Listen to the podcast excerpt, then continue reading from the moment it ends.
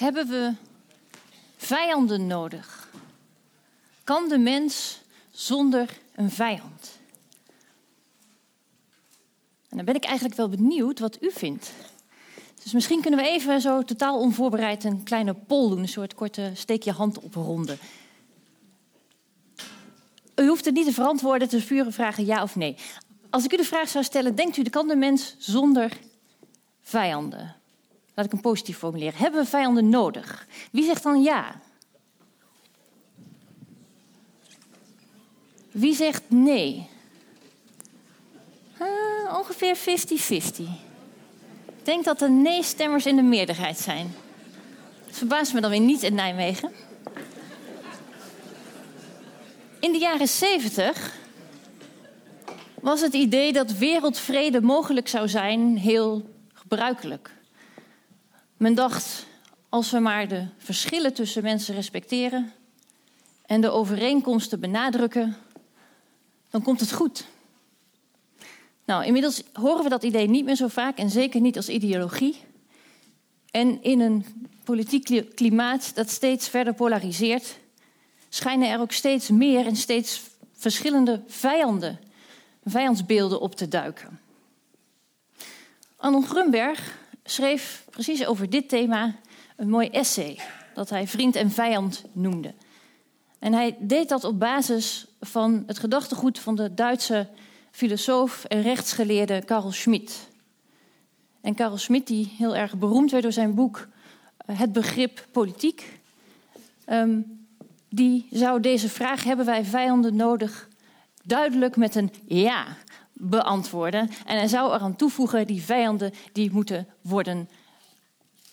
En nu ben ik het woord kwijt, uit de weg geruimd. Niet vernietigd, maar wel uh, steeds, om het maar even het Duits te zeggen. Um, Vanavond gaat Arnon Grunberg een aantal gedachten uit zijn essay verder uitwerken voor ons aan plein publiek. Die lezing duurt ongeveer 40 eh, minuten. En daarna gaat hij in gesprek met twee wetenschappers van de Radboud Universiteit. Ten eerste Helene Mur van den Berg.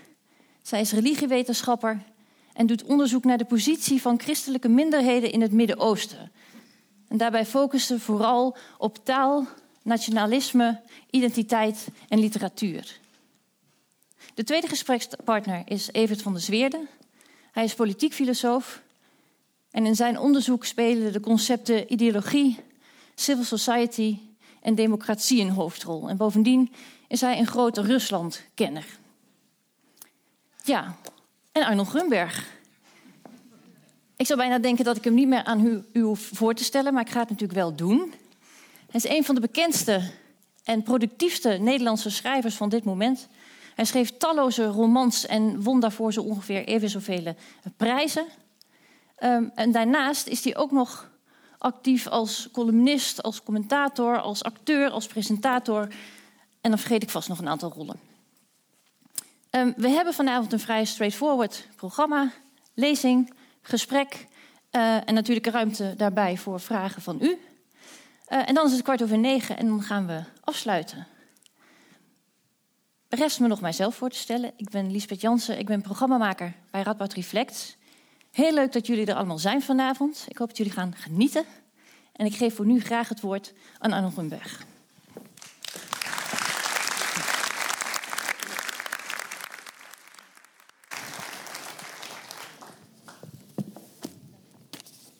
Goedenavond. Dank je, Lisbeth, voor de introductie. Um, voor degenen die NRC lezen en zich afvragen hoe ik tegelijkertijd in een gesloten jeugdinrichting kan zitten en hier. Ik heb vanavond verlof gekregen en ik moet tussen middernacht en één uur thuis zijn. Carl Schmidt is, is geen gemakkelijk onderwerp, dus um, de lezing duurt zoals gezegd ongeveer 40 minuten. Ik hoop niet dat u in slaap valt, maar mocht u in slaap vallen, hoop ik vooral dat u niet gaat snurken. De lezing heet trouwens de onderzoekscommissies.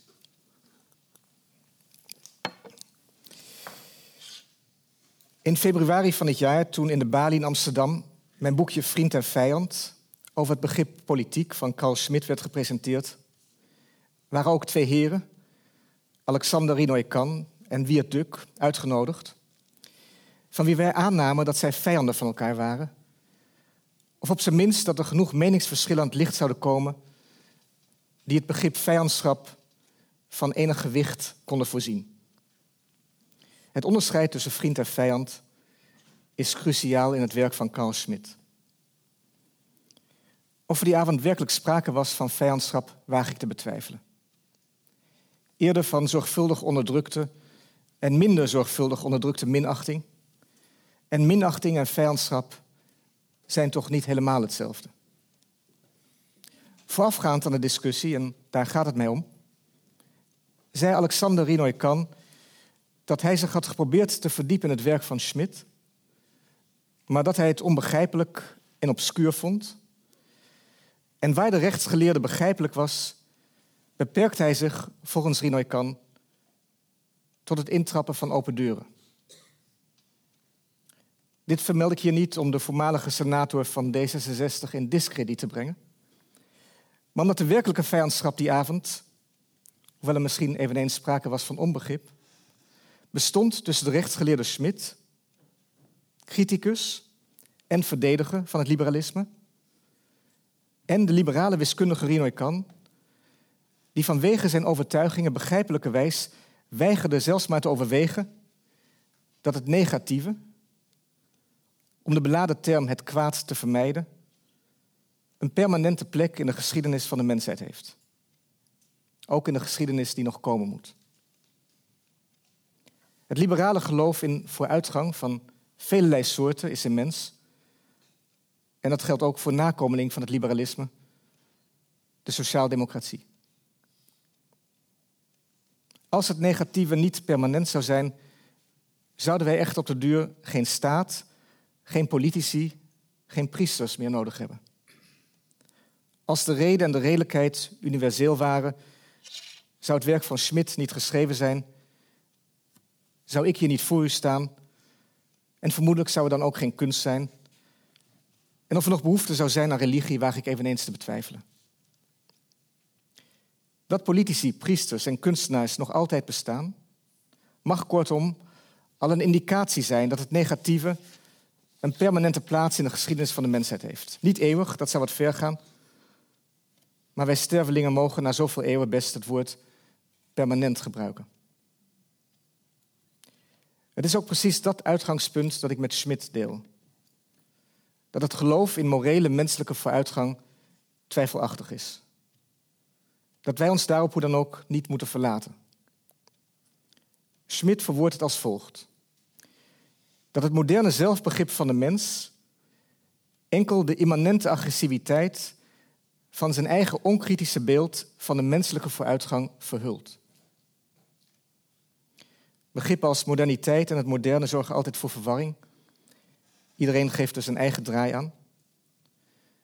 De moderniteit voor Smit begon, zo begrijp ik hem althans, toen de staat het monopolie op het politieke verloor.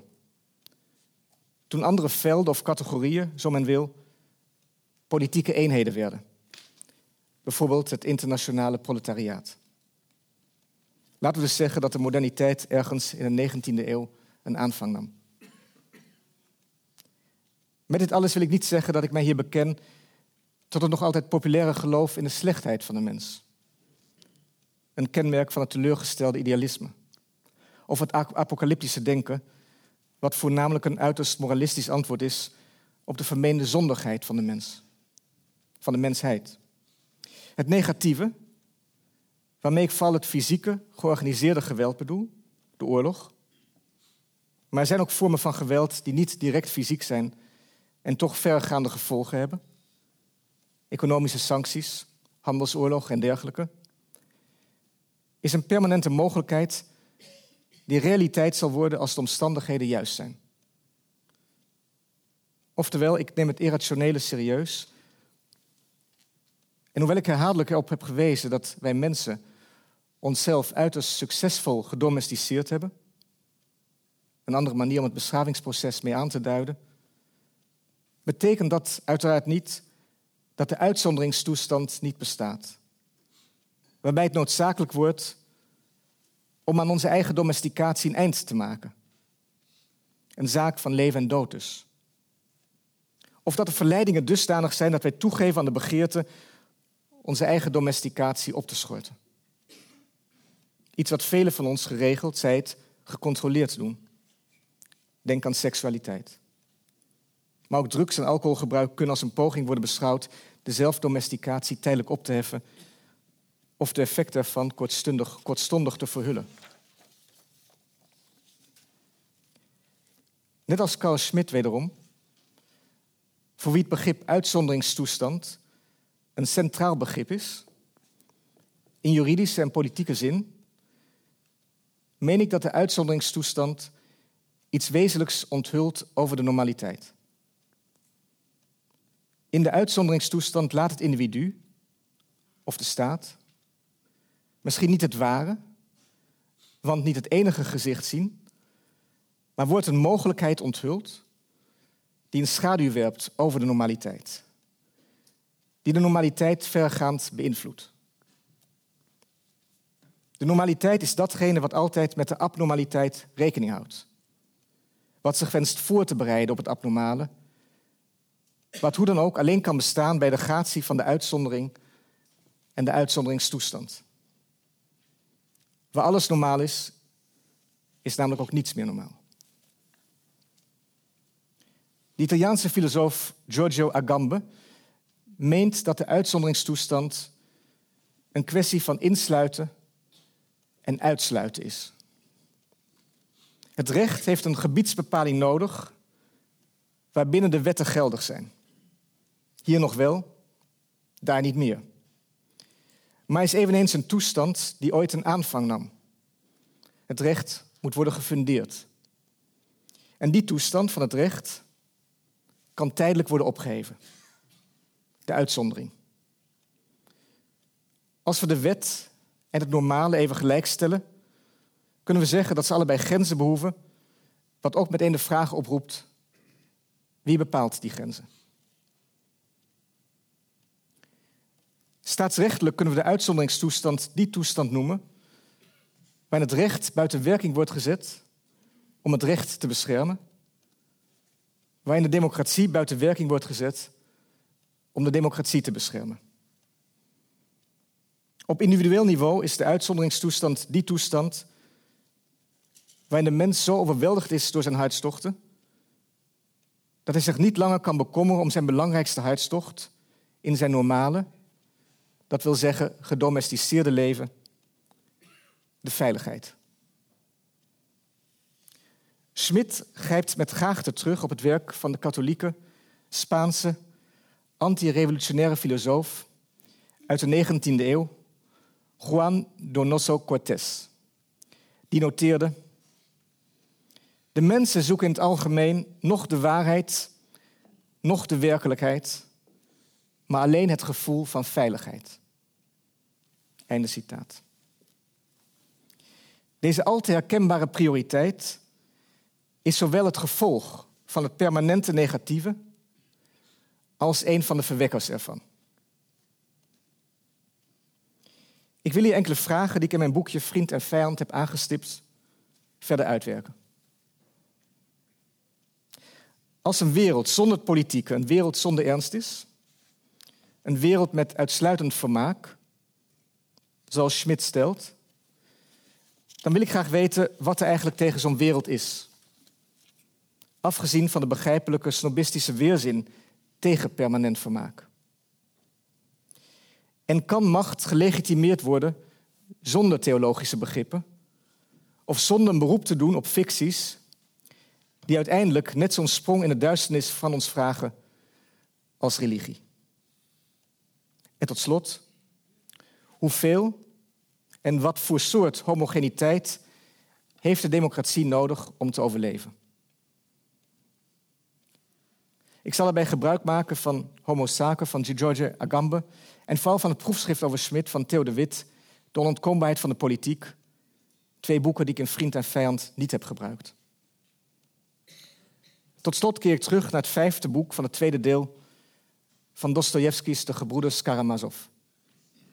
Het deel waarin het verhaal over de grote inquisiteur wordt verteld, die een teruggekeerde Jezus uit Sevilla verjaagt, omdat de mensenzoon een onruststoker zou zijn wiens hemelsbrood slechts geschikt zou zijn voor enkele uitverkorenen en niet voor de massa. De groot inquisiteur die door Smit verdedigd werd en die ik in vriend en vijand ook met enig voorbehoud in bescherming heb genomen. Laat ik beginnen met een korte biografische schets van Schmidt. Hij werd in 1888 in het dorpje Plettenberg in Westfalen geboren. Zijn ouders waren onvermogende, streng katholieken. Hij ging rechten studeren en in 1910 studeerde hij summa cum laude af op een onderwerp uit het strafrecht. Tijdens de Eerste Wereldoorlog meldde hij zich als vrijwilliger, maar vanwege een ongelukkige val van een paard kreeg hij een administratieve functie. Theo de Wit vat de biografie van Schmidt zo samen. De waarde die Schmidt hecht aan een sterke staat hebben te maken met drie gebeurtenissen. De ongekende vernietiging van de Eerste Wereldoorlog. Het bloedige einde van de communistische Radenrepubliek in München in 1919, waarvan Schmidt getuige was. En het experiment van Mussolini in Italië. Schmidts vruchtbaarste periode is vermoedelijk die tussen 1922 en 1928, als hij hoogleraar is in Bonn. Zijn meest besproken werk, het is al genoemd, het begrip politiek, kent een curieuze ontstaansgeschiedenis. In 1927 verscheen een artikel onder die titel, maar het werkelijke essay is van 1932. Na Hitlers machtsovername in 1933 komt er een nieuwe, in drie dagen geredigeerde versie van dit essay, dat Schmidt na de oorlog enigszins heeft geprobeerd te verdonkeren manen. In 1963 verschijnt een heruitgave van de editie van 1932 met een nieuw voorwoord. Schmidt heeft dan al de reputatie opgebouwd als Hitlers kroonjurist.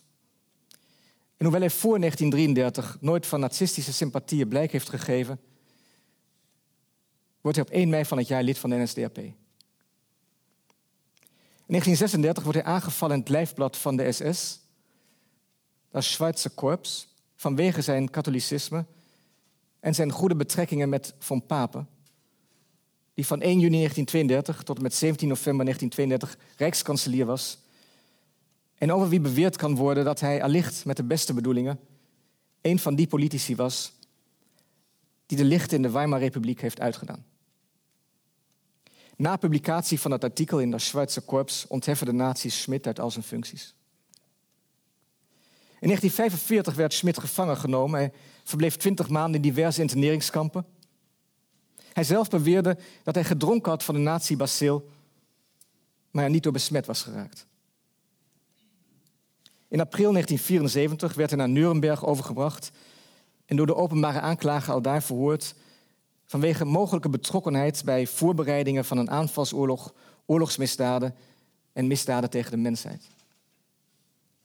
Zijn geschriften konden echter binnen de Nurembergse definities niet worden aangemerkt als strafbare feiten en hij werd vrijgelaten. Na de oorlog leidde hij een teruggetrokken leven in zijn geboortedorp, waar hij gaandeweg verweerd tot een niet geheel onomstreden orakel. Alexandre Kojève, een marxistische Franse staatsman en filosoof, beweerde in de jaren zestig dat er maar één iemand is in Duitsland met wie het loont te spreken, Carl Schmitt. En belangrijke denkers als Walter Benjamin, Jacques Derrida, Leo Strauss en al eerder genoemde Agambe hebben zich intensief met Schmitt bezig gehouden. Schmitt zelf stierf op 7 april 1985 en zijn werk wordt in rechtswetenschappelijke kring, bijvoorbeeld in Amerika, nog altijd intensief bestudeerd. Maar ook daarbuiten is er, zoals deze avond mag getuigen, onverminderde belangstelling voor Schmidt. Al was het maar omdat de vragen die hij stelt en de problemen die hij diagnosticeert alleen maar urgenter lijken te zijn geworden. Zijn uitstapje naar het nazisme en zijn antisemitische uitlatingen wil ik niet afdoen als een voetnoot, maar het lijkt me onverstandig zijn gehele werk terug te brengen tot het Derde Rijk om hem zo in het kamp van de vijand te plaatsen. Wie beseft dat het negatieve permanent is, is niet gebaat bij haastige uitdrijving van het minder wenselijke. Over Smits bekering tot het nazisme doen allerlei theorieën de ronde. Van vulgair opportunisme tot de vermoedelijk niet minder vulgaire rancune van een katholiek die zich staande heeft moeten houden in een voornamelijk protestantse elite. Iets soortgelijks zou dan over Heidegger gezegd kunnen worden. Ik laat in het midden hoe waarheidsgetrouw deze theorieën zijn. Hooguit merk ik op dat de rancune van de intellectueel altijd onze aandacht behoeft.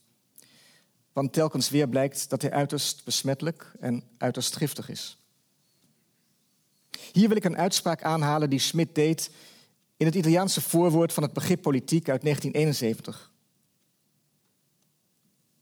Het einde van de Weimar-constitutie was in ieder geval een wet van 24 maart 1933, die de rijkskanselier Hitler angstaanjagende bevoegdheden verleende en hem in staat stelde om de grondwet en de overige politieke partijen uit te schakelen. Deze gang van zaken werd intern door het Duitse volk en internationaal door alle andere regeringen als legaal geaccepteerd. Einde citaat.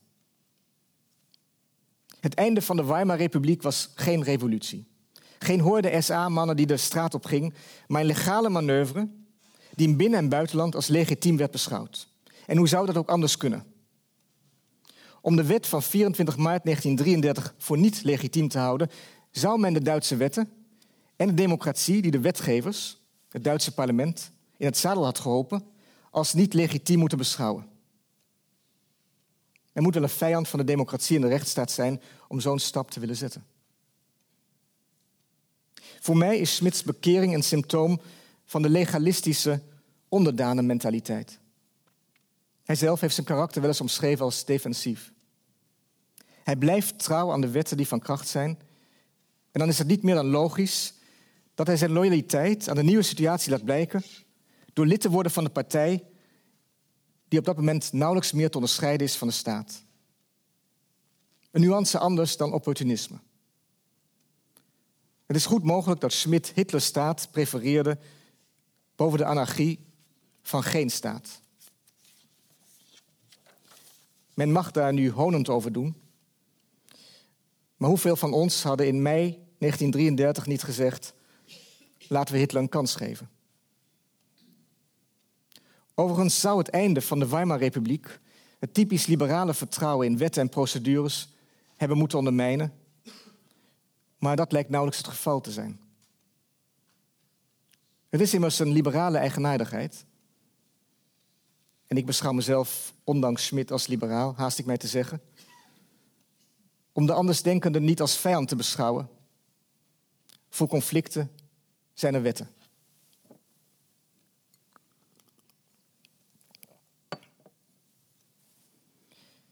Het politieke bij Schmidt is nu juist het onderscheid tussen vriend en vijand. Waarbij we in eerste instantie niet zozeer aan interne vijanden moeten denken.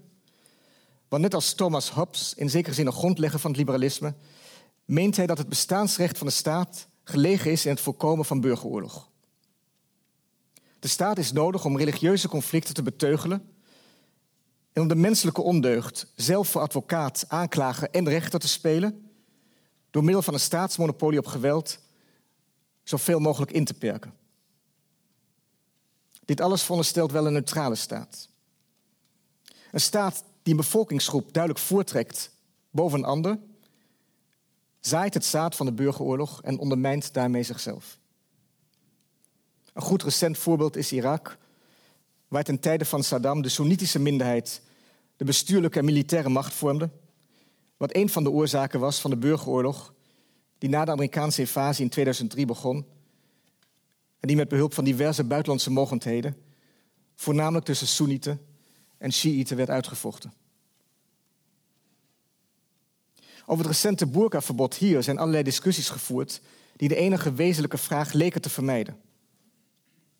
Als we geloven dat de staat er is om burgeroorlog en de verspreiding van bruut geweld te voorkomen, en ik meen dat dat, de dat dat het belangrijkste bestaansrecht is van het betrekkelijke onding dat staat wordt genoemd, dan vereist dat inderdaad een neutrale staat. Geeft de staat zijn neutraliteit niet op door een kledingstuk in de openbare ruimte te, te verbieden dat duidelijk gerelateerd is aan één bepaalde religie? Het antwoord is uiteraard ja. De staat geeft zijn neutraliteit op en opent daarmee de deur voor totalitaire avontuur. Maar daar staat tegenover dat op allerlei niveaus is aangegeven dat deze wet niet zal worden nageleefd. Dat de wet een symbolische geste was. Dat laatste, een staat die niet al zijn wetten even serieus neemt, kan als teken van zwakte of als teken van kracht worden uitgelegd. Ik neig, maar misschien ben ik te hoopvol, naar het laatste. De staat is noodgedwongen een ironische staat, waarover straks meer.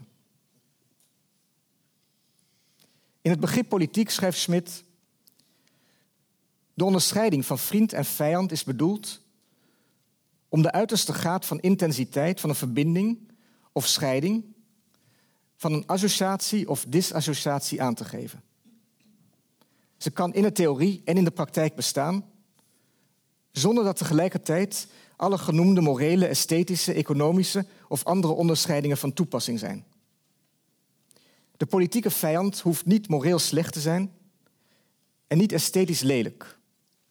Het is niet nodig dat hij als economische concurrent optreedt en het kan misschien zelfs voordelig zijn om zaken met hem te doen. Hij is immers enkel de andere, de vreemde, en tot zijn essentie behoort niets anders dan dat hij in een bijzonder intensieve zin, in existentiële zin, iets anders en vreemds is. Zodat in het uiterste geval conflicten met hem mogelijk zijn. Einde citaat. Het politiek is een kwestie van intensiteit. De mogelijkheid van een gewapend conflict, oorlog, is slechts het ten einde gedachte conflict. Begrijpelijk dat Schmidt erop blijft hameren dat het politiek een ernstige zaak is. Als wij oorlog, als wij sterven en laten sterven niet meer serieus nemen, wat dan wel? En let op, de politieke vijand is niet noodzakelijkerwijs lelijk nog slecht, hij is alleen anders. Zijn existentieel anders zijn is zijn essentie en dat is genoeg om hem tot vijand te maken. De mens kan kennelijk niet leven met wat anders is. We kunnen dit echter eveneens begrijpen als relativering van de vijand. Als het slechts en anders zijn is die de vijand tot vijand maakt, waarom dan niet die vijandschap op een laag pitje zetten? Je kunt ook denken dat het anders zijn een existentiële bedreiging is die vroeg of laat tot conflicten moet leiden. Omdat het anders zijn van de ander uiteindelijk een ontkenning is van wie wij zijn. Het woord essentie doet vermoeden dat het anders zijn onveranderlijk is. Het lijkt niet te gaan om een mening die men kan herzien. Sommige mensen zijn vanaf hun geboorte anders dan wij. Hier staat het liberale denken tegenover, dat meent dat de neutrale staat uiteindelijk ook internationaal zal uitmonden in een wereld van handelspartners en tegenspelers. Schmidt citeert de 19e-eeuwse Franse schrijver en denker Benjamin Constant, die geloofde dat de hartstocht voor oorlog zal verdwijnen en de noodzaak ervan zal afnemen. Maar zonder het politieke, zonder de dreiging van het conflict, verwoordt de wereld tot een wereld van uitsluitend vermaak, zegt Schmidt. En dat zegt ook Leo Strauss, de Duits-Joods-Amerikaanse politieke filosoof die zich intensief met Schmidt heeft beziggehouden. De economisering en neutralisering van de wereld, of althans een deel ervan, ons deel, ging samen met de opkomst van de bourgeoisie, die in de eigen luxe het belangrijkste geloofsartikel ziet en die het vermaak het middel bij uitstek heeft herkend om de verveling te bestrijden. Want waar de existentiële bedreiging niet meer urgent is, ligt verveling op de loer. Smit omschrijft deze toestand als een verslaving aan het nieuwe. Het nieuwe is legitiem omdat het nieuw is. Zij respecteert niets en gebruikt alles, schrijft Schmidt, wat ook een aardige beschrijving is van de wereld van het vermaak. En de bourgeois omschrijft Schmidt in navolging van Hegel als iemand die de sfeer van het apolitieke, risicoloze, private niet verlaten wil de middenklasse, en wij zijn eigenlijk allemaal middenklasse. Middenklasse is nu veel meer een geografische toestand dan echt een klasse. Heeft de eigenaardigheid te willen ontkomen aan wat zij is. En haar geloofsartikelen, luxe, bestrijding van verveling, oftewel vermaak, te willen ondermijnen. De econoom Schumpeter stelde al dat de bourgeoisie, product van het kapitalisme, het kapitalisme uiteindelijk zal gaan bestrijden en ten gave zal dragen. De zesde van de middenklasse is de aristocratische zesde. Maar omdat de middenklasse weet dat er geen aristocratie meer is, is het een vermoeide zesde. Eentje zonder overtuiging. Als aarzelend liberaal blijf ik erbij met al deze bedenkingen dat een wereld van verveling en vermaak beter is dan eentje van oorlog en bloedvergieten. Al gaat dat ten koste van de ernst. Dus wat is er dan toch tegen de wereld van het vermaak in te brengen?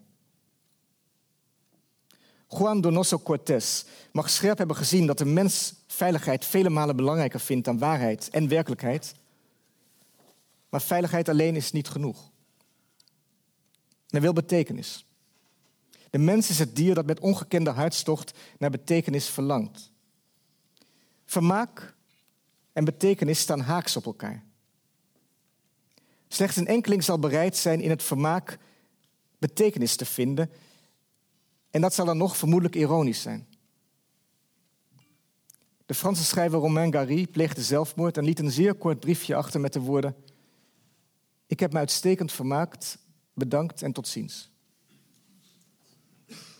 Alleen al het feit dat hij zonder ernstig ziek te zijn zelfmoord pleegde, zou een indicatie moeten zijn dat we zijn waardering voor het goede vermaak waaruit zijn leven bestond, kennelijk, niet al te serieus moeten nemen. Er is nog een andere reden waarom we dat vermaak niet al te makkelijk als een utopische toestand moeten beschouwen. Want ondanks technologie, neutralisering en economisering is de geschiedenis niet een einde. Er zijn nog altijd existentiële bedreigingen. In een wereld waar, zoals ik elders heb gesteld, dood en oorlog naar de periferie zijn verdreven, dreigt het gevaar dat dood en oorlog niet meer serieus worden genomen. In de wereld van het vermaak komt het totalitarisme via de achteringang binnen, waar het zichzelf vermommen als het nieuwe en waar het legitiem zal zijn omdat het nieuw is en vermakelijk. Waar alles vermaak is, zal het entertainment uiteindelijk niet alleen een middel zijn om verveling te bestrijden, en verstrooiing te bevorderen, maar het zal een mechanisme worden om te onderdrukken en te doen zwijgen. En waar het politiek en het vermaak samenvallen, is zelfopoffering onbegrijpelijk en de dood van de ander een futiliteit. Daarom zou ook een liberaal niet in zo'n wereld moeten willen leven.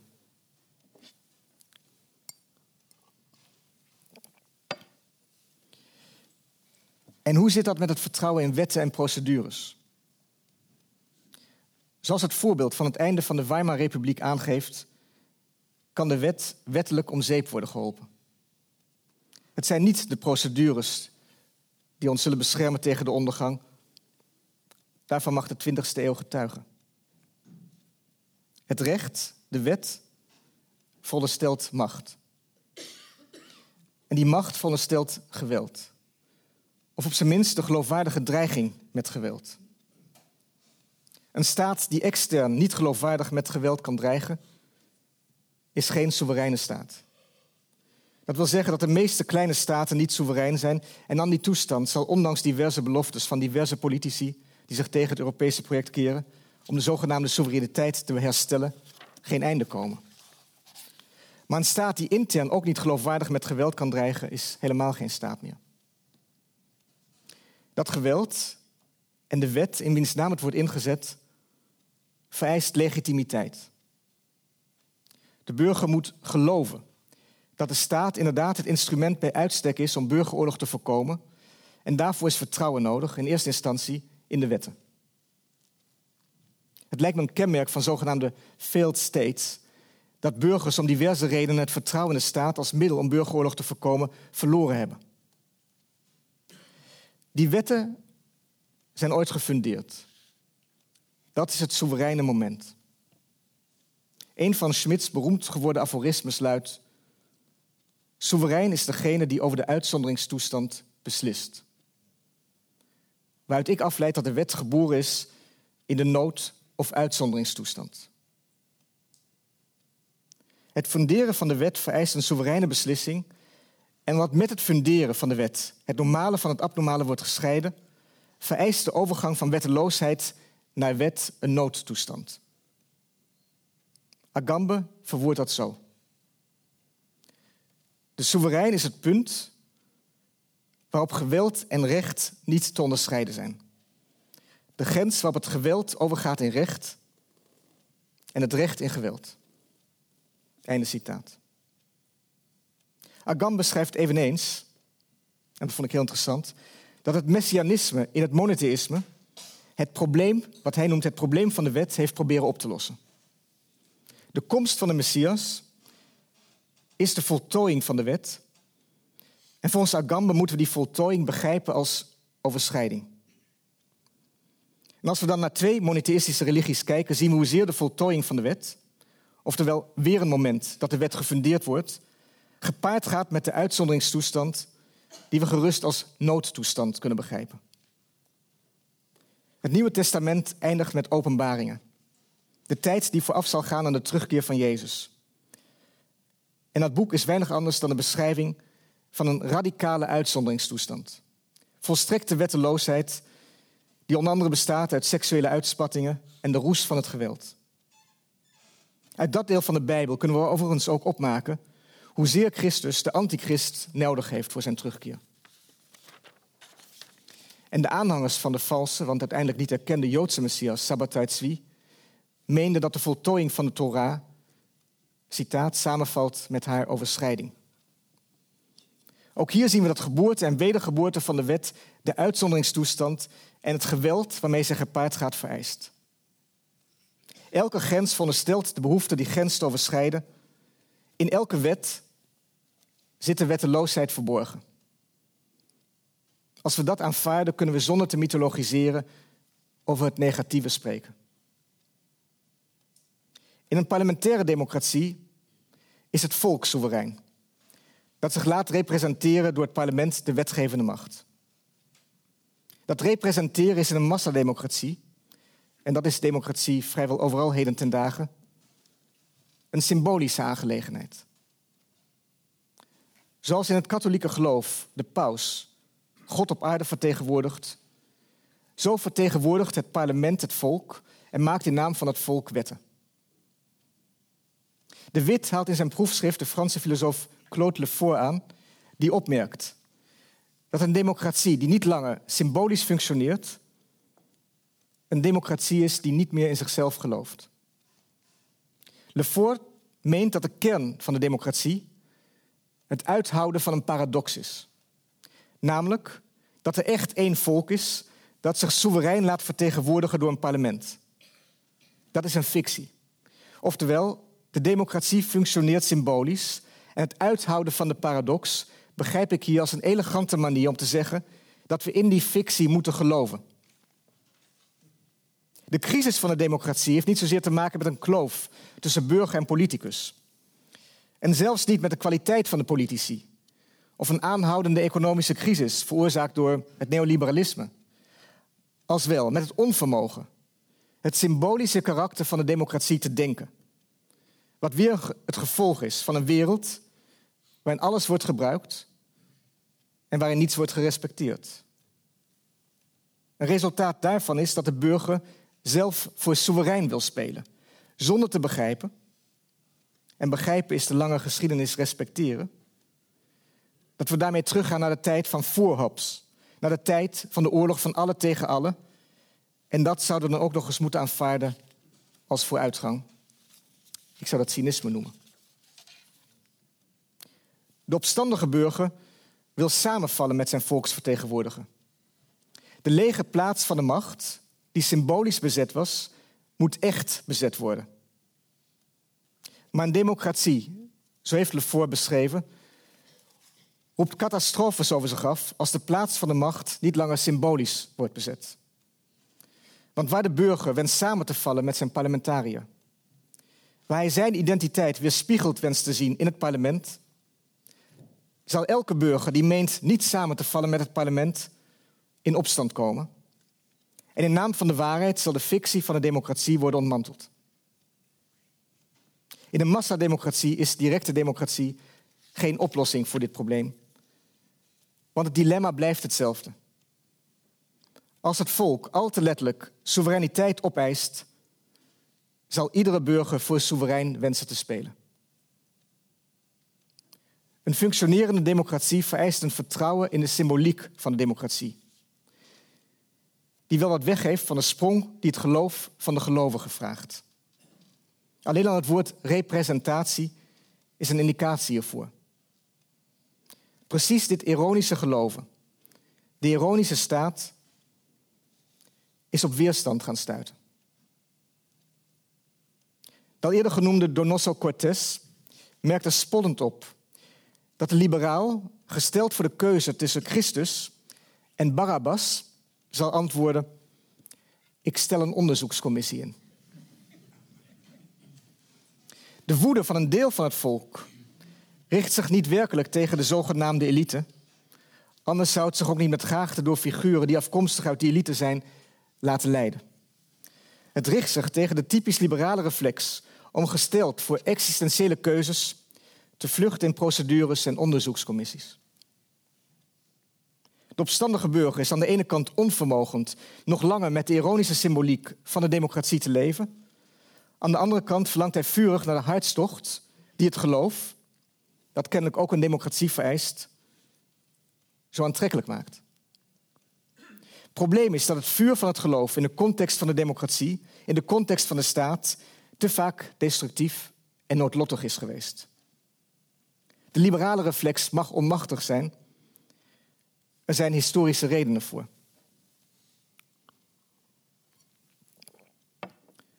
Hoe dan ook, is Schmidts opmerking dat het liberalisme de democratie vernietigt en de democratie het liberalisme opnieuw urgent. Nee, er staat ons geen nieuw Derde Rijk te wachten. Zo dom is de geschiedenis niet. Dat zij zich op die manier herhaalt. Maar de zwakke punten van de Weimar-republiek zijn niet volledig gedicht. En het totalitaire avontuur kan vele gedaantes aannemen.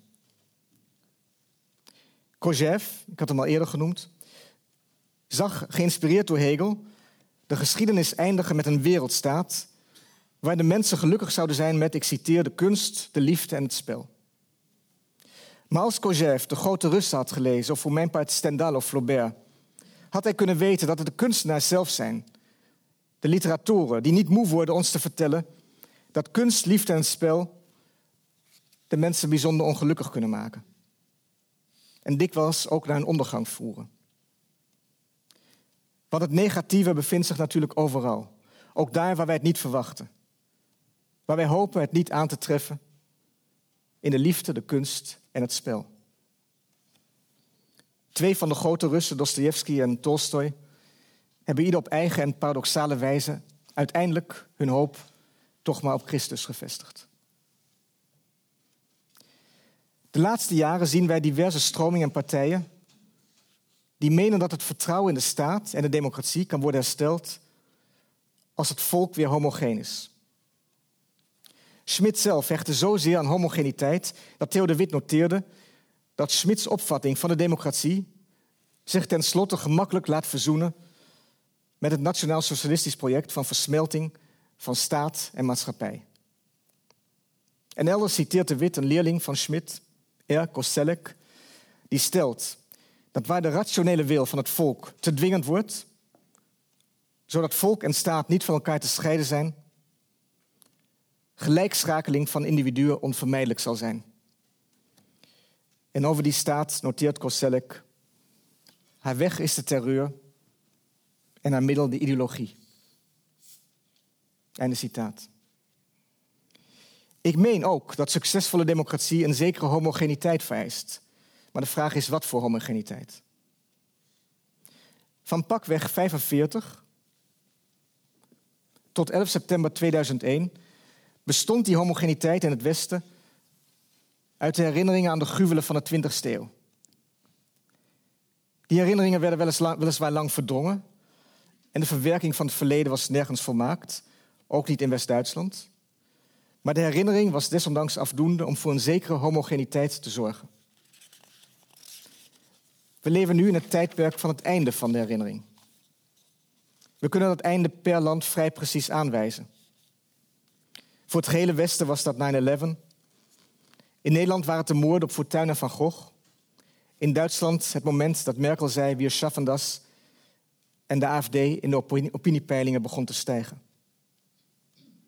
Daarna is de roep om raciale en religieuze homogeniteit alleen sterker geworden.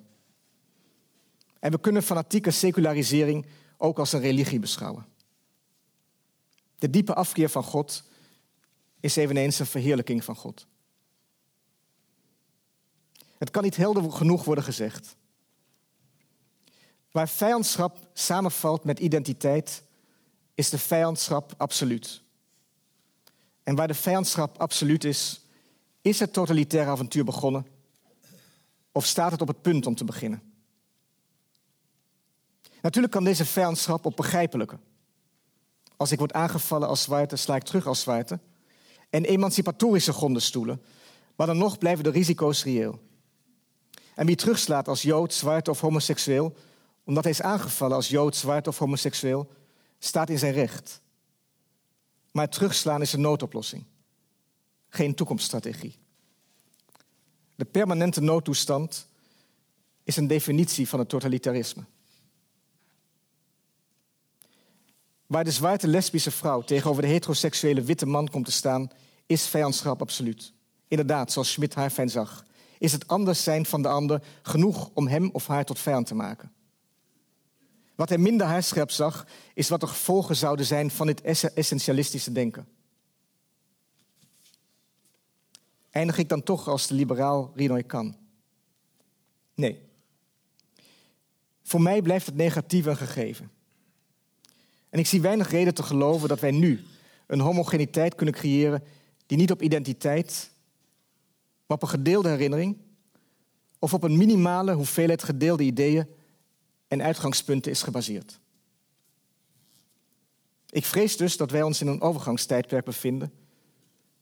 Dat zal eindigen met de komst van één of meerdere groot-inquisiteurs, van wie we dan moeten hopen dat zij dit keer niet zoveel ketters zullen verbranden. Voorafgaand aan het verhaal over de groot-inquisiteur in Dostoevsky's De Gebroeders Karamazov zit een monoloog van Ivan Karamazov. Een monoloog waar Coetzee schreef dat hij hartverscheurend moest huilen bij het lezen. Deze Ivan zegt: Het is niet God die ik verwerp. Dat moet je begrijpen. Maar de wereld die hij geschapen heeft, de wereld van God, daar kan ik geen vrede mee hebben. Einde citaat. Dan noemt Ivan voorbeelden van gruwelijk geweld tegen kinderen en er zitten ook een paar prachtige alinea's bij over het geweld tegen een paard. Ik zal u dat allemaal besparen. Ik beperk me tot de opmerking dat de 20ste eeuw nog moest beginnen toen Dostoevsky dit schreef. Aan het eind van deze monoloog concludeert Ivan Karamazov dat hij zijn toegangskaartje voor deze wereld teruggeeft. Schmidt begreep heel goed dat in elk leven, want de geschiedenis slaat niemand over, een moment van waarheid komt. Het moment dat we moeten kiezen of we ons toegangskaartje voor de wet teruggeven of niet. Of we met de groot inquisiteur kunnen leven of niet. Dat moment wordt door Schmidt het beslissingsmoment genoemd.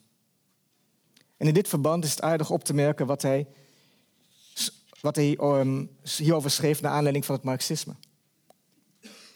Wie aan de kant staat van de dingen die komen gaan, mag datgene wat valt ook nog een duw geven. De vraag nu is of wij datgene wat valt, of wij datgene wat aan het vallen is, een duw moeten geven, of dat wij het vallen zo lang mogelijk moeten tegengaan. We weten mede dankzij Smit dat het beslissingsmoment minder gelukkig kan uitvallen. Maar we weten eveneens, zelfs als we beseffen dat we bourgeois zijn, gehecht aan ons eigendom, geneigd risico's te mijden, dat het moment zal komen dat we niet langer kunnen zeggen: we wachten de conclusies van de onderzoekscommissies even af. Ik dank u voor uw aandacht.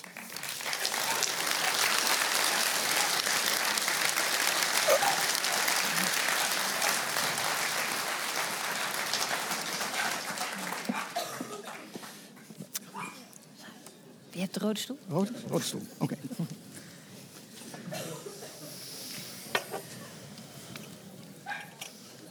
Dankjewel, Arnon. Graag gedaan. Welkom Helene en Evert. Staan onze microfoons aan? Ja, die staan aan. Heel goed. volgens mij hebben we met z'n allen net heel veel input gekregen. En ik zou bijna zeggen, laten we even vijf minuten stilte inlossen om uh, alles te laten bezinken. uh, maar daar hebben we geen tijd voor. Dus ik ga proberen om even een tandje terug te schakelen en, en een hele down-to-earth vraag te stellen. Zeggen, waar, waarom dit onderwerp? Hoe kwam je bij vriend en vijand? Waarom juist dit? Oh, dat is een, daar kan ik een heel simpel antwoord op geven. Ik werd gevraagd door um, Koen Simon. Ja. Ik moet er nu aan denken dat, dat ik ooit in, in Kroatië iemand sprak die meende dat hij Simon Cohen heet, omdat ze daar de namen en achternamen uh, met elkaar vermengen, maar dat even terzijde.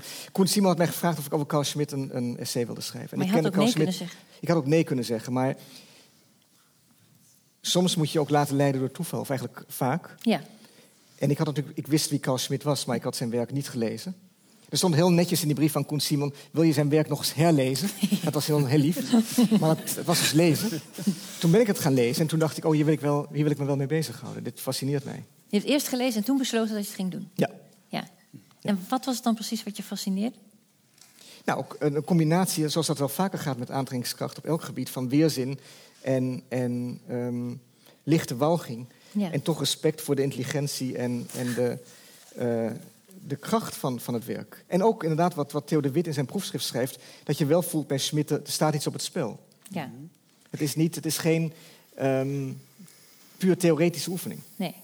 Ja. En dat fascineert mij uiteraard enorm. Ja. En uiteraard zijn levensloop ook. Dat de vraag is hoe iemand die toch zo ver, zo omstreden was... juist onder linkse denkers zo'n zo serieus is genomen... dat ze zich allemaal met hem bezig hebben gehouden. Ja. Kennelijk kon je ondanks alles niet om hem heen. Ja. Ja. Even die, die, die mengeling van fascinatie en walging die Arne net omschrijft. Herken jij die? Want ja, jij volstrekt. kent Schmid natuurlijk ook goed. Ja? ja, volstrekt. En die is fascinerend, dat ben ik helemaal met Arne oneens. En waar zit die in voor jou? Die zit hem er voor mij in dat Schmid, en niet alleen in deze tekst, maar eigenlijk in al zijn teksten, punten aan de orde stelt waarvan, waarvan wij eigenlijk niet willen dat ze bestaan, terwijl we er tegelijk niet omheen kunnen. En dan worden we boos op Schmid, want hij confronteert ons met iets waar we eigenlijk ofwel denken voorbij te zijn, want we zijn richting wereldvrede, in, un, uh, universele mensenrechten en dat soort dingen. Kun je een voorbeeld noemen? Um, ja, ik denk dat Schmid bijvoorbeeld um, in zijn, zijn kritiek, en dat, dat zit al in die eerste uitgave van het begrip politiek, de begrip is politician, zijn, en in vele andere geschriften ook, zijn kritiek op de afloop van de Eerste Wereldoorlog. Mm -hmm. Duitsland heeft toen in 1918 die oorlog verloren. Um, is zwaar gestraft bij het verdrag van Versailles. En Schmid was niet de enige die dat een zeer onrechtvaardige vrede vond. Maar Schmid is dat theoretisch gaan uitwerken en is gaan zeggen: ja, daar gebeurt dus iets met oorlog. Wat met oorlog niet zou moeten gebeuren. Namelijk? Wat met oorlog zou moeten gebeuren is: er zijn strijdende partijen, er zijn allianties, er is vernietiging, er is moord en doodslag, loopgraven, noem het maar allemaal maar op. En dan komt er een moment waarop de oorlog is afgelopen. En dan zouden de strijdende partijen eigenlijk moeten zeggen: oké, okay, dit is onze schone lei. En dat wordt door, doorkruist door een logica die Smit ontwaart, die zeg maar de logica is van toen de Volkerenbond die opgericht werd, later de Verenigde Naties, die eigenlijk zeggen er is een groot deel van de wereld dat geen oorlog meer wil, dat wereldvrede wil en alleen maar verdragen en mensenrechten. Ja, en dan heb je links en rechts heb je nog een paar rogue states of lastposten of Noord-Korea of wat dan ook, die houden zich daar niet aan. Die moeten we dan allemaal gaan bestrijden met Ja. sancties en dergelijke, net zolang totdat dat probleem is opgelost. En daar zou je kunnen zeggen, daar is de boodschap van Schmid, heel kort door de bocht, is dat middel is erger dan de kwaal. Ja. En dus het prikkelende van Schmid is dat hij. Het lijkt soms alsof hij heel erg hamert op die, die vijandschap en oorlog wil, oorlogszuchtig is. Dat ontkent hij vele malen en terecht, denk ik. Wat hij wil is onderkennen van de realiteit van de mogelijkheid van oorlog, dat die er altijd is. Er kan altijd een vijand. Het is niet alleen maar, hè, dat sluit aan bij het verhaal van Arnon. Het is niet alleen maar wij die zeggen we hebben een vijand nodig en daar zit hij. Het is ook op een gegeven moment een vijand die opduikt en ons vijandig bejegent. Daarvan zal Schmid zeggen, dat is een realiteit, dat hoort bij de mens of bij de wereld of bij wat dan ook, dat zal nooit verdwijnen. Ja. Dat moet je onder ogen zien als voorwaarde om er op een dusdanige manier mee om te gaan, dat die oorlogen niet volledig uit de hand lopen. Ja. Dus eigenlijk wil hij beperking van oorlog. Ja, dat heeft hij ook steeds weer gezegd. Ja. En hij zegt ook dat de oorlog tegen de, of in naam van de mensheid gruwelijk zal zijn. Ja. Omdat je dan de, de mensen die zich, kennelijk tegen, die zich tegen de mensheid keren ook buiten de mensheid plaatst. Ja. Ja. Ja. ja. jullie hebben het over uit de hand lopen. Hè? Helene, je bent heel erg thuis in het Midden-Oosten. Over uit de hand lopen Mhm, van conflicten ja. gesproken. Hoe kijk jij naar het werk van Smit en naar eh, het boek van, van Arnold? Voor, mij was dat nieuw. eh, Ja. Dus ik, ik, ik, ik was eigenlijk vooral getriggerd door de manier waarop jij erover schreef. Waardoor ik ook eh, me weer wat in, eh, in Schmid, of niet weer, maar me in Schmid ver- verdiept heb. Ik kende eigenlijk alleen de naam. En wat me er enerzijds in aanspreekt, is de hele helderheid over dat kwaad, inderdaad. En als je naar het Midden-Oosten kijkt, de recente geschiedenis, de oudere geschiedenis. Het is, het is altijd helder aanwezig, laat ik het zo zeggen. Maar eerlijk gezegd, ja, ook in onze eigen geschiedenis. Dus daar, het verschil is dan ook weer niet zo heel groot, maar het is helder aanwezig. Maar waar ik zelf dan elke keer op terugkom, en dat vind ik ook lastig bij Schmid en, en in eh, ehm, het boekje Vriend en Vijand. Voor mij is het altijd zo gemengd. Dus aan de ene kant heb je die, je hebt het kwaad waar je iets mee moet en waar je over na moet denken en waar, waar eh, wat te makkelijk onder tafel wordt geveegd. Tegelijkertijd is de, de werkelijkheid veel messier dan, dan je zou denken. En is het kwaad helemaal niet zo helder aanwijsbaar. En leven moslims en christenen het ene moment volstrekt vriendelijk en prettig met elkaar samen. En dan gebeurt er iets. En dan is dat opeens een enorme vijandschap. En dan kan je achteraf wel zeggen, ja, dat vond iedereen altijd al. Dat is niet zo. Althans, niet, niet in een heldere zin. Er, er kunnen dingen verschuiven. Dus ik, ik ben ook heel erg geïnteresseerd in die, die, die, die, die lastige Messi-situatie waarin kwaad, goed en kwaad en vij- vriend en vijand Ja. helemaal niet zo helder zijn. En ehm, Nou, ik denk ook, maar dat is, hoewel Smit, je, kunt, je kunt afvragen of zijn werk dat helemaal waar maakt, omdat hij het uiteindelijk toch zo hamert op een raciale homogeniteit. Wat ik denk heel, heel onwenselijk is en we bij het eten ook hebben gesproken. Maar natuurlijk is, is, dat, is dat het kwaad of het negatieve, want het kwaad klinkt altijd zo toch mythologiserend, is, is niet aanwijsbaar aanwezig. Ik wil niet zeggen, daar zit het. Ja, maar op het moment dat geweld losbaar dat heb je gezien in Joegoslavië, en dat is, is heel mooi verwoord door, door ehm, ehm, een, een Franse denker die, eh, hoe heet hij, die ook over de zondebok heeft geschreven. Ja, Girard, ja, Girard. ja, Die precies, schreef, is, ja. is bijna niets zo, zo, eh, ver- zo ehm, besmettelijk als, als geweld. Ja, precies, dus op het moment ja, dat het ja. geweld begint, natuurlijk verspreidt het zich dan heel snel. Ja, ja, en dat heb, heb je in het Midden-Oosten op heel veel plekken gezien. Ja. Waar mensen ook inderdaad met Ja. een soort eh, essentiële verbazing naar hun buren keken. Waar ze, waar ze eh, een Jarenlang, hele ja. generatie mee hebben samengewoond. En opeens met IS op de achtergrond veranderde dat in je grootste vijand. En ehm, ja, dat kun je op allerlei manieren interpreteren. En dat is de vraag waar mensen nu mee zitten. Hoe moet je dus daarna verder, nadat dat gebeurd is?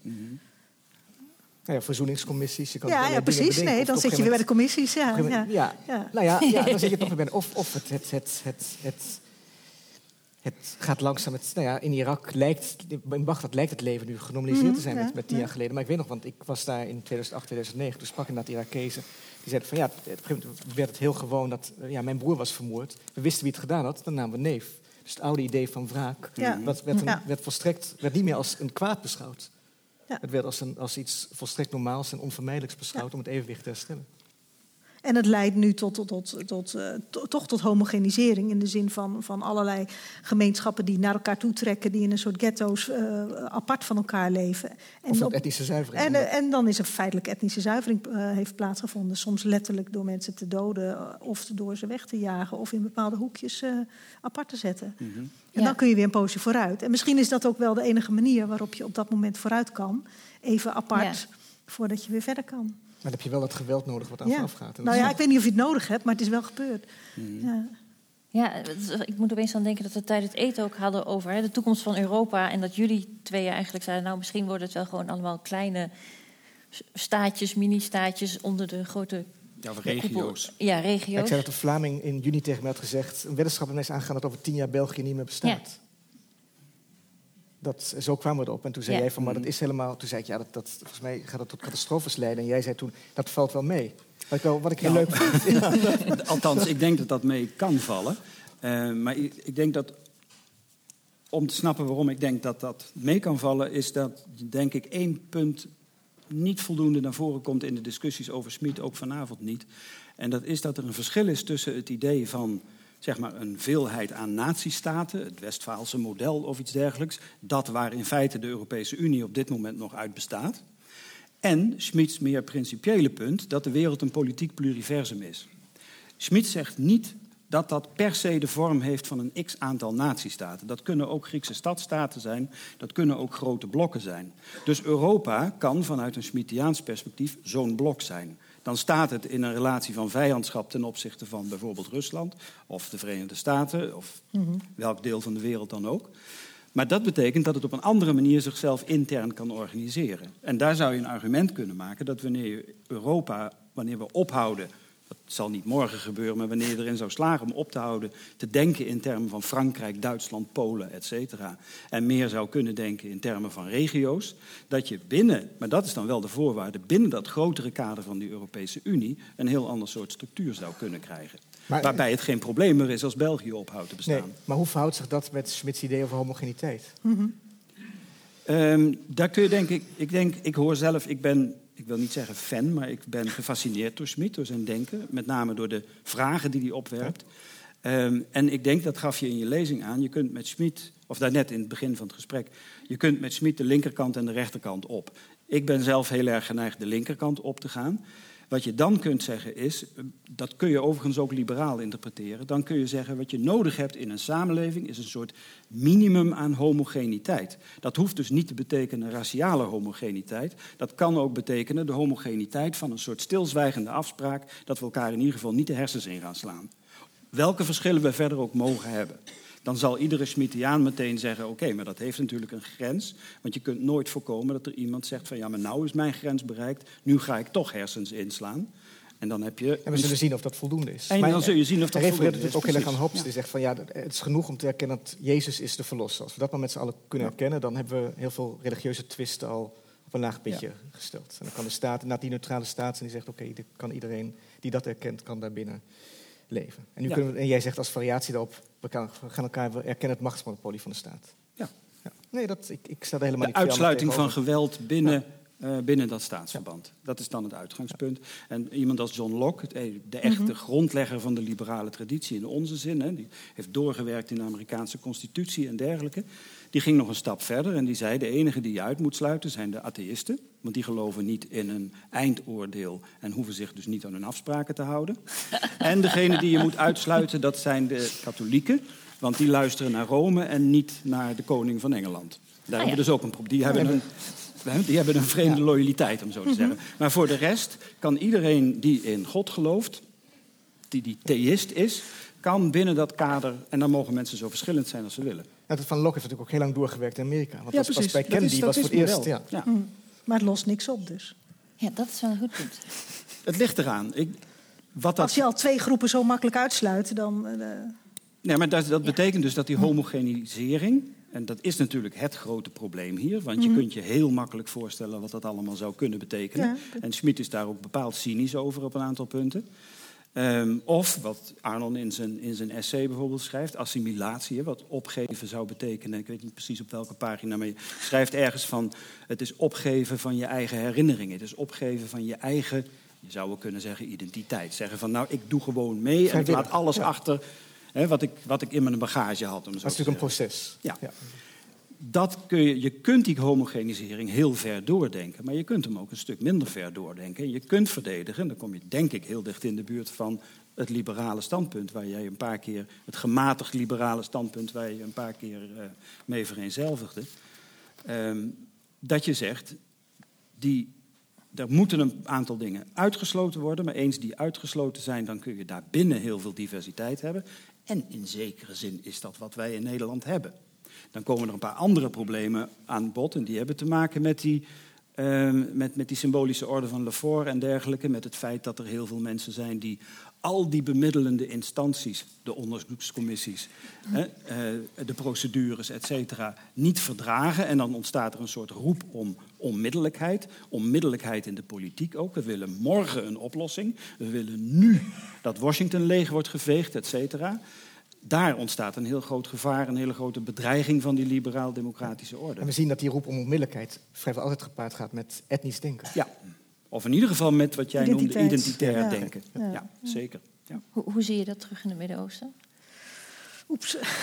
Nou ja, daar, Nou. Speel, daar, daar, daar speelt dat natuurlijk ook. ehm, in de zin van dat daar En dan komen er nog heel veel andere dingen bij kijken, omdat je zwak, nou, zwakke, sta, zwakke staten hebt met sterke leiders, dat dit soort processen veel langer uh, doorwoekeren en ook nodig zijn voor mensen om te overleven. Dus in een staat waarbij allerlei instituties geërodeerd zijn en je tegelijkertijd een dictator hebt die probeert, of een kliek die probeert alles onder controle te hebben, dan ligt het heel erg voor de hand om op je eigen identiteit terug te gaan uh, vallen. Je christelijke identiteit en alle verschillende groepjes. Mm -hmm. Dus dat versterkt dat alleen maar in zo'n soort onzekere situatie. En dat maakt het dan dus zo moeilijk. Ja. Om daar uit te stappen als de dictator wegvalt. Want er is niks uh, gemeenschappelijks meer, of bijna niks, om op terug te vallen. Dat moet je weer van vooraf aan opbouwen. Ja. Dat komt ook omdat natuurlijk de staat heel veel basisvoorzieningen niet, niet geeft. Precies, dus dat ben je afhankelijk van, van, je, van, je, van je kliek. Van je kliek, ja. van je clan. Ja, ja. En dat kan de kliek zijn van die, die direct verbonden is met de machthebber... of je clan die voor een basale uh, veiligheid en, en voorzieningen zorgt. Uh, maar dat is waar je op terugvalt. En dat, dat kan eigenlijk niet anders, want anders overleef je niet. Maar zie je ook, zowel in Libanon als in Irak zie je dat in het politieke systeem. Ja, dat de president uh, ja. moet christelijk zijn en, en de, de parlementsvoorzitter Soenitisch, Syriërs. Mm -hmm. Dat is allemaal bepaald. Ja. en dat is dan de enige manier waarop dat nog een beetje bemiddeld wordt tussen al die groepen. Een soort van, van verzuiling, waardoor je nog een soort van, van evenwicht hebt. En een, een, een wankel evenwicht. Maar het, het is niet diep verankerd in de maatschappij als geheel. Nee, maar je zou je kunnen afvragen of er in politieke gemeenschappen, in landen, uh, of in een, een, eenheid als de Europese Unie, ooit een ander dan een wankel evenwicht kan bestaan. Mm. Of er zoiets kan bestaan als een stabiel politiek evenwicht. Nou. Je kunt misschien een tijd lang de illusie hebben van een heel stabiele situatie, maar niets is zo veranderlijk dan die stabili mm. stabiele situatie. Zou je het wenselijk vinden? Um, nou, dat is een van de. Arnon had het over paradoxen. Dat is een van de paradoxen waar je mee moet leven op de een of andere manier. Dus het is heel erg onwenselijk, denk ik, om te denken in termen van... nou, morgen kan er een burgeroorlog uitbreken. En eigenlijk is dat ook wel goed, want dan worden we weer eens een keer geconfronteerd met hoe het echt zit. Ja. Ja, tegelijk wil ik niet graag morgen een burgeroorlog, in welke vorm dan ook. Ja. Maar je staat daar... ook sympathiek tegenover Smits idee dat je de, het risico van een oorlog serieus moet nemen. Ja. Juist om het te voorkomen. Ja, en natuurlijk wat je zei over het wankel evenwicht, dat is waar. Maar je moet toch ook erkennen, wij allemaal zullen dat erkennen... dat het wankel evenwicht in Nederland iets minder wankel is... dan pakweg in Libanon ja, of, precies, of Irak. Precies. Ja, zeker. Er zijn gradaties zeker. Ja. Maar daar zou je kunnen zeggen dat dat niet per se een kwestie is van dat Nederland een ander model gekozen heeft dan bijvoorbeeld Irak. Nou, dat... Omdat er niet een moment is geweest waarop dat model als het ware actief gekozen werd. Dat is zo gegroeid, daar zitten tradities hmm. in, daar zitten historische ervaringen in. Ik denk dat wij ons nooit moeten vergissen in de mate waarin diezelfde Tweede Wereldoorlog en dat nazisme constitutief is ja. voor hoe wij de zaken allemaal inrichten om nog te zwijgen over onze oosterburen. Maar dat heb ik ook duidelijk gesteld, ja. toch? Ik denk dat ja. was, ja. -hmm. En met tegelijkertijd zie, zie, je ook heel veel taboes verbrokkelen. Daarom denk ik dat, dit, dat die herinnering is aan het afbrokkelen. Ja. Ik denk dat je, dat je als je op, op heel veel gebieden kijkt, dat, dat er redenen zijn om dit een overgangstijd te noemen. Dat is mogelijk, ja. Ik denk in ieder geval dat. dat ik, ik ben geneigd dat met je eens te zijn, dat het een overgangstijd is, of dat we aan het begin van een overgangstijd zitten. En als er, denk ik, als er één ding is wat we kunnen leren uit de geschiedenis, dan is dat we, dat, dat we nooit een flauw idee kunnen hebben van waar dat naartoe gaat. Want die, dat hebben we nog nooit gehad als mensheid. Zo een overgang. een helder beeld van waar die overgang dan naartoe ging. Wel allerlei ideeën over waar het heen zou moeten, ja. maar dat is wat anders. Maar, maar, als we dat dan maar niet je kan wel weten, gevaren aanwijzen. Ja, dat kan. Ja. Dat, dat kun je Sorry. doen, maar ja, dat maakt niet uit. Uh, inderdaad, je kunt gevaren aanwijzen en je kunt niet zeggen waar we naartoe gaan. Maar wat is dan voor jou en misschien voor jullie allemaal nu de overgang? Wat, is die, wat kenmerkt die overgangsfase? Nou, dat het taboe op het, op het identitaire denken in Europa, maar ook in Amerika, volledig aan het, aan het verbrokkelen is. Ja. Het, bedrijf van een bepaald soort politiek waarbij je beroept niet meer op ideeën, mm -hmm. op ideologieën. Mm -hmm maar op wie je bent mm -hmm. bij geboorte, dat dat eigenlijk heel vanzelfsprekend is geworden. En dat daar ook niemand meer van opkijkt. En dat dat niet alleen maar de partijen zijn die aan de randen van het, spectrum, van het politieke spectrum zitten, maar dat het is overgenomen door heel veel middenpartijen. En wat is daarvoor voor jou een heel kenmerkend voorbeeld? Nou, je kan de partijen noemen, je kan ook Trump noemen, je kan de AFD noemen, je kan ja. uh, wat, wat, wat, vroeger het Front Nationaal was. Je ja. kan, zijn, in elk land zijn er voorbeelden te noemen, ook in Nederland. Um, en dat, daar kijkt ook niemand meer van op. Het, is, het wordt niet meer als een taboebreuk beschouwd. Het is eigenlijk normaal geworden. Sterker, andere politieke partijen proberen een graantje mee te vissen. Ja. En ik denk echt dat, ik bedoel, ik natuurlijk kan niet voorspellen, maar dat, het lijkt mij toch vrij duidelijk dat dergelijk identitair denken uiteindelijk, als dat wordt doorgetrokken, tot een verabsolutering van vijandschap moet leiden. Mm -hmm. Want dan, kun je, dan is de ander essentieel. Dat, dat is toch ook het, het problematische, vind ik. Want ik, ik ben, ik ben pro-Smit, hoor. Ik zal hem ook verdedigen. Ik, heb ook, ik, ben, ik nee, nee, nee, dat je dat niet denkt. Want ik, ik vond het ook, ik vond, daarom ben ik ook begonnen met Alexander Rinoy-Kan. Die, die, die toch niet om hem af te vallen, want is hij niet. Maar die, die, een van die mensen, dat vond ik een typisch... toch ook van een bepaald soort liberaal... een typische reflex van ja, dit, dit is eigenlijk achterhaald. Zo zijn wij niet, zo, zo mogen wij niet zijn. Iets wat niet mag bestaan, bestaat niet. Maar ik, ik denk dat, dat, dat het, het, de absolute vijandschap zal vroeg of later uiteindelijk toe, toe leiden dat, dat het taboe ook op het geweld wordt, wordt opgegeven. Dat, dat denk ik ook, ja. Maar ik heb er wel een vraag. Als ik één vraag mag stellen. Ja, zeker. Waarom is het belangrijk om te zeggen, ik ben pro-Smit, hoor? Omdat ik eigenlijk... Nou ja, omdat we hebben het over vriend en vijand. In een bepaald kamp Ja. wil, je niet, wil je niet worden Nee, geplaatst. exact. ik wil niet in Ja. het kamp worden geplaatst van, in mijn ogen, wat naïeve liberaal. Die zegt, we hebben de procedures, we hebben de wetten. En Ja. wij mensen, wij mensen, ik ontken dat er iets bestaat als het negatieve. Want dat is, dat is het oude christelijke denken over de, Ja. over de erfzonde. Daar hebben we ons van bevrijd. Ja. Wij zijn eigenlijk prima dik in orde. Ja, en maar ik denk dus dat hier een heel belangrijk punt zit. Daarom stelde ik die Ja. vraag ook. Ik denk dat dat cruciaal is. Want op het moment dat je zegt, als een soort van preemptive strike... zou je kunnen zeggen, ik wil niet in een bepaald kamp terechtkomen. Het woord kamp is natuurlijk geen onschuldig woord in dit verband. Want kampen staan tegenover elkaar in de kamp. Uh-huh. Eh, kampen zijn strijdende kampen, potentieel strijdende kampen. Dus op het moment dat je een dergelijke move maakt, dan ben je iets aan het neutraliseren. En dan hoop je dat dat in dit gesprek ook geen probleem is, want dat wij allemaal misschien niet pro-Smit zijn, maar toch in ieder geval niet jou de hersens in gaan slaan omdat je zegt dat je pro, et cetera. Nee, nee, dus ik- daar zit een, ja. daar zit een neutraliserend element in. Nee, ik wil dat niet zozeer neutraliseren. Ik dacht, wij vormen een bondgenootschap tegen Nee, deze twee andere sprekers. Nodig. Ik wil het gewoon, ik wil gewoon laten zien van, ik wil mij positioneren. De op praktijk ja. brengen, heel goed. Ja. Ja, om, om, even het spel los te laten en Oh. ernst, ernstig te worden, dat Ja. betekent, dus, dat betekent dus dat je in de verte, aan de horizon, de mogelijkheid ziet van echte strijd. Anders kun je dergelijke opmerkingen niet maken. Dus wij hebben, denk ik, en misschien is dat zelfs wel heel dierlijk op een bepaalde manier. Wij, dat is een ingewikkelde kwestie natuurlijk, waar dat vandaan komt. Maar wij voelen op een bepaalde manier, we hebben het instinct, of hoe je het maar noemen wilt, dat zelfs een, pre- een, een, onschuldige, wo- eh, eh, ge- een onschuldig gesprek op een prettige avond in de Lindenberg in Nijmegen in principe uit de hand kan lopen. zeker. Maar dan, en dan mag jij, want, eh, maar ik, ik vind dat... Ik, wat ik bedoel, ik, ik zeg proberen wel te speels. beperken. Nee, nee, ja. Maar dan keren we ons Maar- allemaal tegen jou. Ik ben daar niet zo bang voor, want het is een ideeënstrijd. Hè? Het, ik, ja. ja. Maar, maar waar ik dan toch over blijf peinzen... is dat als je dat zo helder zegt... dat die vijandschap deel van het verhaal is... en dat het geweld uiteindelijk een optie is... dan neem je eigenlijk, vind ik, in het boekje... en in, ook in je verhaal van net... op een manier die ik heel sympathiek vind... ik positioneer me nou ook eventjes... eh, ehm, de, de, de onderhandeling serieus. Dus in de zin van, ehm, je zou, eh, maar ik ken Schmid niet, eh, je zou het volgens mij ook zo kunnen lezen dat je veel feller zou moeten zijn en veel duidelijke positie zou moeten kiezen om helderheid te scheppen in de vragen waar het over gaat. En, maar ik, hè, dus tegelijkertijd geef je heel veel ruimte aan onderhandelen, nadenken, de, het midden zoeken, eh, de, het, het, het kattengon, zorgen dat we het kwaad op afstand houden en dat we niet in de apocalyptiek en de ultieme vijandschap vervallen. Nee, dat vind ik ook even heel kort. Van, niet iedereen weet wie, wat katagon is. Dat is een begrip uit het Nieuwe Testament. Een beetje verbeterd van dat, eigenlijk dat de tegenhoudende macht. Iets waar Schmidt, en dat vind ik heel fascinerend, vaak over heeft geschreven. Dus wat, wat, wat de komst van, van de wetteloosheid van de antichrist ophoudt. Dat je eigenlijk niet meer, meer dan dat is het niet. Je wil niet de Maar ik- apocalyptiek ja, in. Nee, nee. Maar ik, ik neem, natuurlijk neem ik de onderhandeling heel serieus. Maar die kan je alleen maar serieus nemen als je ook concreet en, en geloofwaardig kan dreigen met geweld. Ja. We hebben het voorafgaand even gehad, toen ik, want ik was helemaal vol van... vertelde ik over de jeugdinrichting waar ik zit... waar geweld wordt toegepast tegen jongeren op dagelijkse basis. Maar je ziet ook mensen daar, groepsleiders, eh, behandelaren... die de boel kunnen deescaleren.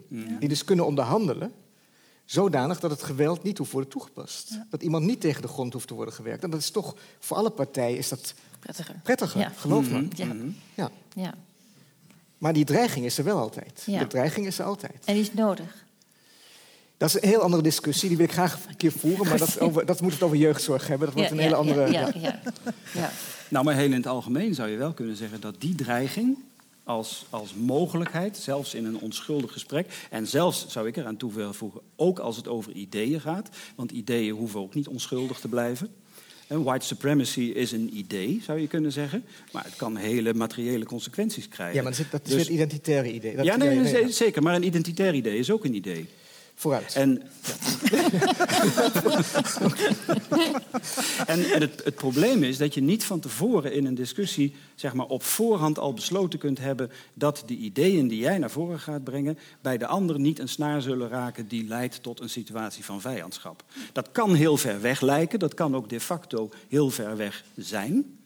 Eh, maar ik denk dat het heel belangrijk is als een soort grensgeval of een, een, een limietgeval. En dat, terug naar die onderhandelingen, dat serieuze onderhandelingen altijd staan tegen de achtergrond van, ja, als we niet gaan onderhandelen, kan er iets anders gebeuren. Dat wil niet zeggen dat je meteen denkt aan burgeroorlog, maar wel aan echte conflicten. Ja, laten we dat even doen. Laten we even naar een concreet voorbeeld gaan. Bijvoorbeeld de Brexit en de, het gebeuren van, van Johnson nu in Groot-Brittannië. Ehm, Er wordt zou- vanavond gestemd, toch? Ja, Ja. inderdaad. Maar wel een waarover? nee, nee, ik wil het wel Over een de vraag of, de, of het parlement een wet kan aannemen dat eh, een no-deal Brexit no-go is. Ja. Ja. En de smartphones moeten uitblijven. Nou, mijn vraag is vooral. Er werd natuurlijk heel erg geroepen: ja, dit is geen democratie meer. Maar zouden we in het kader van Schmidt en wat de rest van wat er vanavond gezegd is, moeten zeggen: nou ja, goed, ook Johnson is door de democratie in het zadel geholpen, dus dit is legitiem. Nou, dat is een beetje wat Schmidt ook zei over het Ja. einde van Weimar. En dat vind Ja. ik ook heel verhelderend. Ja. Ja, dus jij Dus- zou zeggen: Nee, ik zou, ik zou zeggen dat legitiem, dat is natuurlijk de vraag. Dat is, Ja. dat is de vraag, wanneer kun je niet meer zeggen, dit is legitiem. Ja, wettelijk, wettelijk is het legitiem, maar ik kan er niet meer mee leven. Dus dat Ja. is de vraag, wanneer moet je als burger, dat beslissingsmoment noemt Smit dat, ook tegen je eigen staat in opstand komen. En hij heeft dat natuurlijk nagelaten, dat te doen, volledig. ja. En oh, er is al een vraag uit het publiek, maar dan moet u even wachten. Ja, bijna, bijna. Er is denk ik een ander probleem wat hieronder ligt. Uh-huh. En dat kwam voor mij in ieder geval. Toen had ik natuurlijk net dit boek gelezen. Ja. eh, en me ook weer eens in Schmid verdiept. Maar het moment waarop, ik zag dat op het journaal... het moment waarop iemand zegt in Londen... iemand die heel erg tegen eh, Boris Johnson is... Mhm. die zegt, we must stop him. In we must stop him zit een reële dreiging van burgeroorlog. En ik denk dat het wel, daar ben ik heel erg pro-Schmid... Dat moet je onder ogen zien. Dat is de enige voorwaarde waarop je kunt zeggen: oké, dat gaan we, daar gaan we dus niet naartoe. We gaan het op een andere manier aanpakken. Maar dan is ook weer de vraag, tot waar? Ja. Ja, dat is ook Is zo. dat ook, is, is dat, ja, ben ik helemaal met je eens. Ook met Trump, het- absoluut. Maar 33 nog steeds, vier, wanneer? Tot wanneer moet Ja. je zeggen, de staat, geen burgeroorlog? Dat is natuurlijk Ja. een hele moeilijk, moeilijk grensgeval. Ja, nou ja, daar komt denk ik het sterke punt uit jouw lezing van straks naar voren. Dat voor Schmid nazi, het naziregime altijd nog minder erg was dan wanorde. Het was voor hem nog een soort van kategon. Absoluut. Dus als puntje bij paaltje komt, dan kies je voor orde en niet voor wanorde. Historische voetnoot. Schmid heeft ervoor gepleit, voor de machtsovername door Hitler, dat von Hindenburg in zou grijpen en het parlement buiten de orde zou stellen. Denk aan Boris Johnson, die Ja, dat met ja. de koningin geregeld Ja. heeft. Dat is dezelfde, dezelfde figuur. En dat was om de president, de rijkspresident, gekozen door het Duitse volk... en dus in die zin de incarnatie van de democratie... om die de mogelijkheid te geven Hitler af te stoppen. Eh, Dus die SS'ers die op een gegeven moment Schmid niet vertrouwden... die waren zo stom nog niet. Die hadden groot gelijk dat ze hem... Hij zag het als ja, het minste der kwaden, zeg maar. Maar nog steeds een kwaad. Ik ga nog even één stap dichter bij huis, namelijk gewoon Nederlandse politiek. Ehm Arnon, jij zei net op het einde van je lezing. ehm, dan ben ik even het citaat kwijt. Maar in ieder geval dat de verveling ertoe leidt dat we iets nieuws willen. We willen en dan is het nieuws. Het, het nieuwe is goed omdat het nieuw is. En ons uit onze verveling uit. ja. eh, Het nieuwe is legitiem omdat het nieuw is. ja. Ja. En dan ook zelfs geweld, zelfs. Eh, zou dat is dan natuurlijk goedgekeurd in, kunnen in een worden. wereld van, zoals Leo Strauss en Schmidt dat beschrijven, waar het politieke niet meer bestaat of niet meer ernstig is, is alleen nog maar vermaak. En het gevaar daarvan is natuurlijk reëel dat je dan ook het, het, het meest existentiële, het, het, het allergrootste wat je kan gebeuren, het kwesties van leven en dood, Ja. niet meer, niet meer werkelijk serieus neemt. Ook Ja. omdat ze natuurlijk in, hier in het Westen altijd naar de periferie zijn ver- verdrongen. Ja. Wij hebben geen last meer van oorlog, die worden elders Nee, uitgevochten. precies. Met de opkomst van populistische partijen in Nederland, zie je dat? Is, zie je een beetje dat als, als reden daarvoor? Zien jullie dat als reden daarvoor? Willen we graag weer iets nieuws? Willen we opschudding? Willen we... Nee, ik denk dat, dat een zekere verveling daar, daar, wel, daar wel een, Ja. een rol bij speelt. Ik kan nog, maar dat, dat is al lang aan de hand. Ik kan me 10, 12 jaar geleden een gesprek met een Duitse intellectueel tijdens een festival herinneren. Die zei: Zo kan het niet doorgaan. En dan vroeg ik me: Wat bedoel je daar toch eigenlijk mee? Wat is er zo verschrikkelijk wat er nu hier Ja. in Duitsland en Europa aan de hand is? Nee, maar het is toch doodvervelend. Het is saai. Dat is, dat, Hij Ja. meent het heel serieus. Ja. Het, was geen, het was geen grapje. Ja. Hij meent het echt serieus. Het was het soort, de lamlendigheid, dat is geen leven. En dat is toch een soort ehm, verlangen naar, naar, ik zou zeggen, naar een frivol vitalisme. Wat, wat uiterst gevaarlijke kant heeft. Zie je dat ook, Helene? Ja, hoeveel, hoeveel, hoe lang spreken wij nog door? Nou, ik, wil nog even die- naar die voorkant. Vind je dat ja, goed? Ja, doe dat. ja, Ehm, doe dat. De voorkant, dat Ik- vind ik leuk. Ja? Dat is een mooie voorkant. he- heb je daar inspraak in gehad? Ik zou hem even omhoog houden Ja. voor mensen die Ja, ja, ja, het dat niet kennen, maar heeft- het van hier wel heel- kunnen zien. Er was eerst een andere voorkant en die vond ik vreselijk.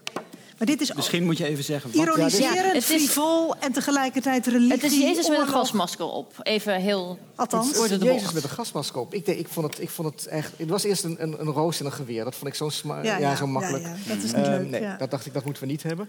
Toen kwamen ze hiermee. En ik dacht, dat, dit is een mooi beeld. Maar ik weet niet of het per se ironisch of... of ehm, het is heel serieus. Ook in, het, ook in het denken van... Voor mij was, dacht ik, dit vind ik een mooie, een, een mooie illustratie... bij wat een kategon kan zijn. Een ophoudende macht. En ik neem die ophoudende macht heel, heel ernstig. Voor mij is dat echt... Dat, wat, dan vond ik ook zo mooi wat, wat Schmidt zei over het marxisme. Iets wat, wat aan het vallen is, kan je nog een duwtje geven. Ja. Maar je kan ook besluiten om te denken, wat valt... is toch de moeite van het behouden waard, van het beschermen waard... ook al lijkt het heel saai en vervelend. En we gaan, we gaan het tegenhouden, het vallen tegenhouden. En waarom zit En dan dat voor je jou juist in Is die het- afbeelding? Zit dat Nou, in het masker of in Christus? Of Er in zit een- natuurlijk, hij maakt het teken van... Van, eh, van de koning, van, van- van, het macht. ja. Van de... Maar hij heeft, het, hij heeft het gasmasker op, dus hij heeft zich wel, hij heeft zich wel beschermd. Hij houdt, hij houdt rekening met, met het allerergste. ergste, ja, ja. Maar tegelijkertijd is natuurlijk Jezus ook het symbool van, van de geweldloosheid. Van degene die zegt, als ik geslagen word op mijn linkerwang, kijk mijn rechterwang toe. Van degene, dat is natuurlijk een van de grote verdiensten van het christendom, die zegt, we gaan de, de cirkel van bloedwraak door, doorbreken. Ja. We gaan het niet doen. Ja. We gaan niet, eh, als jij mijn neef vermoordt, ga ik niet jouw neef vermoorden, Nee. want dat heeft geen zin. Hij heeft ook alleen een gasmasker op, hij heeft geen wapen Nee, bij zich. dat, ja. Maar jij neemt aanstoot aan de voorkant. Nee, nee, ik neem geen aatstoot. Oké. Maar ik, ik, ik, ik, ik was gewoon gefascineerd door het feit dat, dat als je aan de ene kant dus die toch vraagtekens stelt bij die ironie en bij het, bij het spel en bij het. Is, is dan zo'n voorkant toch niet eigenlijk ook iets van die, van die ironie en dat spel? Ik, in ik, zet niet, ik, ik zet dat een wereld van uitsluitend vermaak. Maar zoals Ja. ik ook net in mijn lezing Ja. aangaf, denk ik dat, dat, dat de paradox waarover Le Fort spreekt, is een vorm van ironie. Als je beseft dat de democratie symbolisch is, natuurlijk is dat voor mij is ironie het besef dat je op drijfstand staat. Dat daaronder, dat je, dat je, dat je eigen positie niet absoluut is. Ja. Ironie is de vijand van het absolute denken, van het absolute vijanddenken. Van het idee van, jij bent zo anders, dat jij alleen al doordat je anders bent mijn existentie bedreigt en ik niet anders kan dan jou uit de weg gaan. Ja. Om mijn eigen, om mijn eigen eh, ehm, leven veilig te stellen. Het is ook een, eh, Theo de Wit die citeert in zijn proefschrift ook een paar keer, en dat schijnt ook Theo Smit hebben, eh, Smit hebben gedaan, een, een, een middeleeuwse vorst, die heeft gezegd, ik heb geen vijanden meer, ik heb ze allemaal uitgemoord. Dat is natuurlijk het einde van, van het vriend en vijand denken. Ja. En we Ja. weten ook dat dat nooit ophoudt, omdat er altijd toch weer iemand zal zijn die Altijd zal nemen. die- Dus voor mij staat het, ik, ik ben helemaal niet een, geen vijand van de ironie. Ik zet mij weer een bepaald kamp, ja. maar wel van een bepaald soort vermaak Ja. en van Ja. een bepaald soort ironisering. Ik zei het al, we gaan afronden. Maar voor ik dat doe, heel graag van u een hartelijk applaus... voor zowel Arnold Grunberg, Evert van der Zweerde... als Helene van den Berg. Dank je. Je. Dank je wel. Ja.